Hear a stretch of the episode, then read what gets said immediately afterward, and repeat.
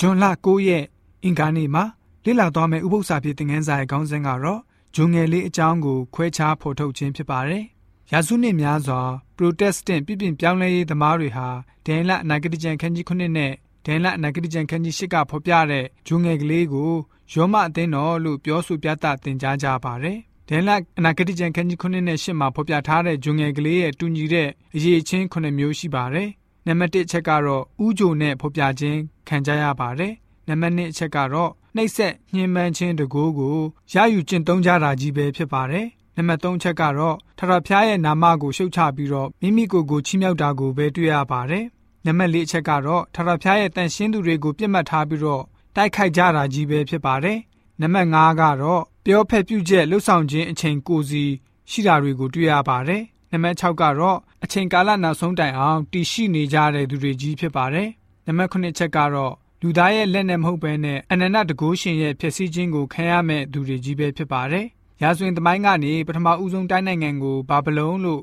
ရုပ်လုံးဖော်အတည်ပြုပေးပါတယ်။ဒုတိယတိုင်းနိုင်ငံကိုမီဒိုပါရှားမေဒီပေရတိတတိယတိုင်းနိုင်ငံကိုဂရိဟေလသလို့အတည်ပြုပါတယ်။သမိုင်းအရညင်းဆိုလို့မရတဲ့အမှန်တရားတစ်ခုကတော့အဲ့ဒီတိုင်းနိုင်ငံ၃ခုရဲ့နောက်မှာပေါ်လာတဲ့အင်ပါယာဟာရောမအင်ပါယာပဲဖြစ်ပါတယ်။ဒန်လတ်နာဂတိကျန်ခန်းကြီးနှစ်မှာ ရုတ်ထုကြီးရဲ့တန်ခြေထောက်အပိုင်းကို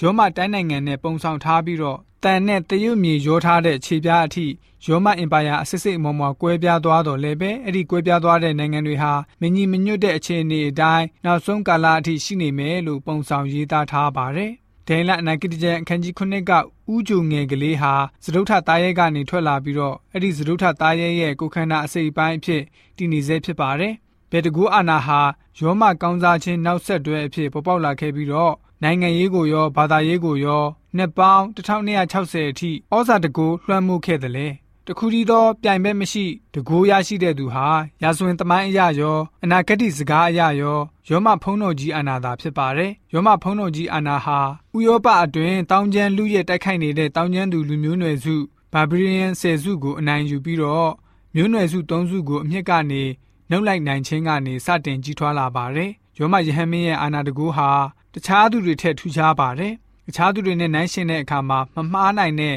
ဝိသေသလက္ခဏာတစ်ခုကတော့ယောမဖုံးတော်ကြီးရဲ့အာနာဟာအမြင့်ဆုံးသောဖျားကိုဆန့်ကျင်မဲ့ပြုပြီးတော့ကြီးစွာသောစကားကိုပြောလိမ့်မယ်။ဘိုးချေသခင်တိုင်အောင်ထောင်လွှားခြင်းကိုပြုပြီးတော့ယေရှုရှင်သာလှုပ်ဆောင်ပိုင်တဲ့အလုပ်ကိုယောမဖုံးတော်ကြီးကဝင်ရောက်နေရယူတယ်။ယောမဖုံးတော်ကြီးရဲ့အာနာတကူဟာနှိမ့်ဆက်ညှဉ်းပန်းမယ်လို့ကြိုတင်ဟောကြားခဲ့တဲ့အတိုင်း ရက်ဆက်စွာနှိပ်စက်ညှဉ်းပန်းခြင်းကိုပြုလုပ်ခဲ့ပါတယ်။အမြင့်ဆုံးသောဖျားရဲ့တန်ရှင်းသူတွေကိုညှင်းဆဲလိမ့်မယ်။ဘိုးချေအချို့နဲ့ကြဲအချို့တို့ကိုမြေကိုချပြီးတော့နင်းတယ်။အဓိပ္ပာယ်ကတော့ဘာသာရေးပြည်ပြင်ပြောင်းလဲချိန်အတွင်းမှာခြေပပြောဆိုတဲ့ Protestant တွေအသက်ခံခဲ့ရတဲ့အကြောင်းဖြစ်ပါတယ်။ရောမဖုံးတော်ကြီးရဲ့အာဏာတကူဟာအချိန်ကာလနဲ့ပြည့်ညတ်တော်ကိုပြောင်းလဲဖို့ကြိုးစားကြံစီပါလိမ့်မယ်။ပြည့်ညတ်တော်၁၀ပါးကဒုတိယမြောက်ပြည့်ညတ်ကိုဖယ်ပြီးတော့ဥပုသ်နေ့စနေနေ့ကိုပထမနေ့ကိုပြောင်းလဲပြစ်လိုက်ပါတယ် ဒန်လနာဂတိကျန်အခန်းကြီး2အခန်းကြီး9အခန်းကြီး10တွေမှာဟေလသဂရိတိုင်းနိုင်ငံရဲ့နောက်ကနေပေါ်လာတဲ့အင်ပါယာဟာကဘာကုံဆုံးတဲ့အထိတည်ရှိမယ်လို့ဖော်ပြထားပါတယ်။ယောမအင်ပါယာကနေတဆင့်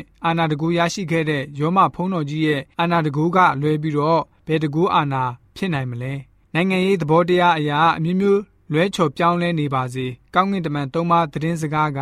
မတိမ်မရိမ်မလွဲမချော်ကြွေးကြော်တဲ့တတိပေးစကားဖြစ်ပါတယ်။ဒါကြောင့်အထူးတိကျမှန်ကန်တဲ့ယနေ့အတွက်အမှန်တရားကြီးတစ်ခုပဲဖြစ်တယ်ဆိုတာကိုသိစေဖို့အတွက်ဂျုံငယ်လေးအကြောင်းကိုခွဲခြားဖော်ထုတ်ခြင်းဆိုတဲ့အကြောင်းအရာအဖြစ်အင်္ဂါနေ့ဥပုသ္စာဖြစ်တဲ့ငန်းစာကဖော်ပြထားပါတယ်။